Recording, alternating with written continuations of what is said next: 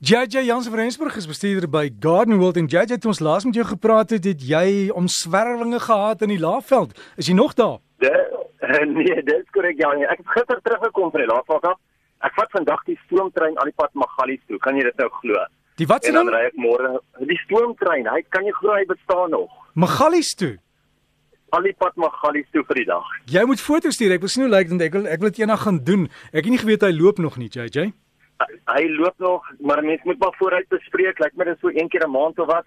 Maar ek sien meer en meer mense wat nou hierso opdaag wat nou saam met ons op die stoomtrein gaan klim. So ek dink dit gaan nogal 'n lekker dag wees. Ek hoop net die weer gaan hou. Ja, ek dink julle gaan dalk 'n bietjie reën kry, maar dis ook goed want dit is baie goed vir ons tuine. JJ ek het 'n paar SMS'e gekry oor blare wat afval, groen blare, veral appelkoesboom en moerbybome. Hoekom gebeur dit?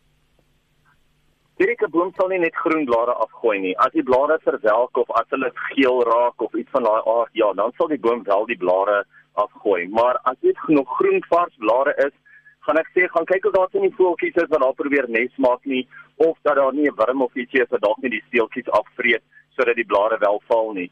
'n Boom sal nie net groen blare wat nog gesond is eenvoudig afgooi nie. Nee. En JJ ook 'n ander vraag oor skadu net as jy 'n plek het waar die son regtig die groente en gedood brand, wat is 'n goeie persentasie dat hulle nog genoeg lig kan kry? Of vir groente niks meer as 'n 40% nie. Ons probeer eintlik altyd om net 'n 20 of 'n 30% te gebruik. Um maar in die areas soos waar dit laas week was, waar dit so verskriklik warm was in die laafval, ja, daar gebruik hulle tot en met 'n 40%. Uh dit is natuurlik baie raadsaam om 'n wit skadu net te gebruik, want die wit skadu net laat die goeie infrarooi lig deur, maar hy blok die slegte UV-strale, ultraviolet strale uit. So maar moet dit meer as 40% nie. As jy kan gebruik minder as 40%, maar op die meeste 40%. En JJ, as jy nie weet nie, vra by jou hardeware winkel of jou kwekery, hulle sal vir jou kan sê. Dat is definitief. Ja, nou daar praat van 40% skade weer, so hy gaan 60% son deurlaat. Hm. So dis genoeg dat hy goed nog kan groei. 100%. Hulle moet baie son kry, hulle moet sterk groei. Onthou die son se selle maak dat die plant die son se strale maak dat die plant se selle baie sterk ontwikkel.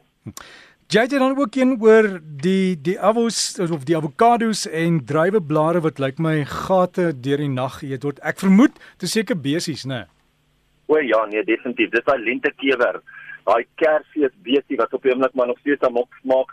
En ja, as jy nie nou 'n plan gemaak en jou plante self gaan spuit nie, Nagsloom werk natuurlik baie goed en hy's baie vinnig wat jou plante eenvoudig mee kan spuit en dan sodra enigiets aan die plante se blare sou vreet, dan sal hulle vrek. Nou gelukkig ja, ons wil nou nie net wendig van al die besies ons vla raak nie, weer eens, ons wil net beheer toepas. So moet nou nie elke liewe aand gaan spuit nie. Probeer om dit so een keer 'n week te doen, een keer elke 2 weke, net om die besies so hoeveelhede onder beheer te hou. JJ op jou lys vandag voor jy daar vertrek Magaliesburg toe, wat moet ons alles doen?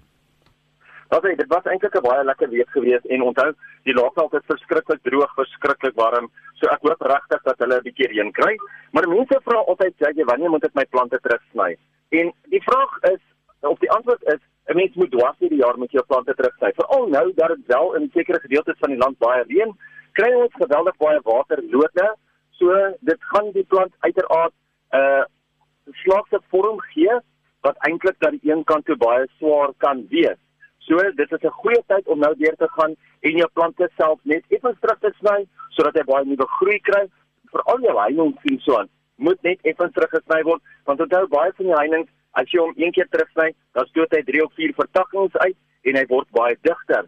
So moenie noodwendig net wag vir die winter nie. Sny nou al terug waar jy kan terugsny. Desember is natuurlik die laaste maand waar mens jou somergroente saailinge in kan saai. Onthou ons kyk altyd na so plus minus 3 maande vanaf ons dit gesaai het totdat mense die groente kan oes. Uh, en dit is nou oor die algemeen ja, party groente is 'n bietjie korter en ander is weer 'n bietjie langer. Maar meeste van dit is oor die algemeen so 3 maande. En as ons om net verder werk, dan kyk ons na so einde Februarie, middel Maart. Jy weet in baie areas word dit al klaar baie koeler daai tyd van die jaar. So saai hulle nou, kry hulle nou in die grond. Nou dat die daglelies blom, Dit is so lekker om nou kruisbestuiving te doen tussen die verskillende daglelie kleure en variëteite. En baie mense sukkel eintlik daarmee en het nie sukses daarmee nie. Weet jy die belangrikste gedeelte is nou die belangrikste aspek is die feit dat die styfmeel word gewoonlik later in die dag droog en die stampertjie moet vroeg in die oggend bestuif word. So baie keer wat mense nou doen as jy dit regtig reg wil doen, is vat jy styfmeeldrade, breek hulle af van die verskillende blomme wat jy wil gebruik, maar natuurlik kan jy nou uh notas maak van watter kleure jy waar gebruik en dan kan jy die volgende oggend vroeg kan jy die styfmeeldrade op die stampertjies gaan sit. Dit is eintlik baie eenvoudig. As jy na die blom kyk, het jy 'n klompie styfmeeldrade en dit is gewoonlik daai geel poeier is die styfmeel en net onder hulle, of net ja, net onder hulle is daar so 'n lang wit stampertjie wat uitkom. Dan vat jy nou daai styfmeeldraadjies en jy druk dit op die stampertjie. En so kan jy jou eie kruisbestuiving doen. Onthou, dan gaan jy nou die sade oes na so 8 tot 12 weke en dan kan jy hulle saai hulle in die grond kry en jy gaan jou eie nuwe variëteite gaan jy self so kweek.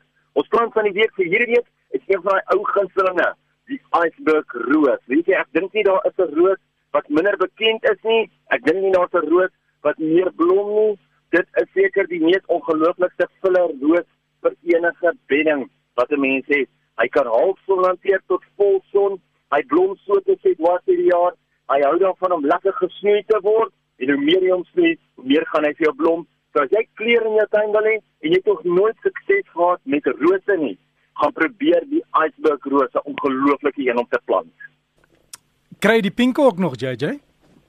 Jy kry die pink iceberg, jy kry die burgundy iceberg en hulle blom net so baie. Op 'n stadium was daar so 'n geel iceberg en 'n rooi iceberg beskikbaar gewees.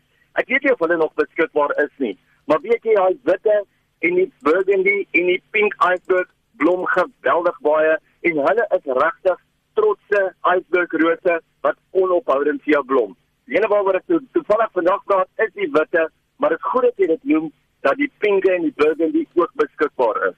So gesels ons saam met JJ Jans van Rensburg van Garden World. Sy e-pos is jj by gardenworld.co.za. En as jy weet hoe lyk die roos, JJ het vir my 'n video klip gestuur en ek het die video greep geplaas op die Breakfast Facebook bladsy se loop by RSG beskikbaar raak. En dan kan jy daar gaan kyk presies hoe dit lyk en JJ is altyd goed. Hy sit daar en wys vir jou presies hoe die plante lyk en hoe hulle geplant moet word. Dit dan ons tuinpraatjie. Lekker tuin maak.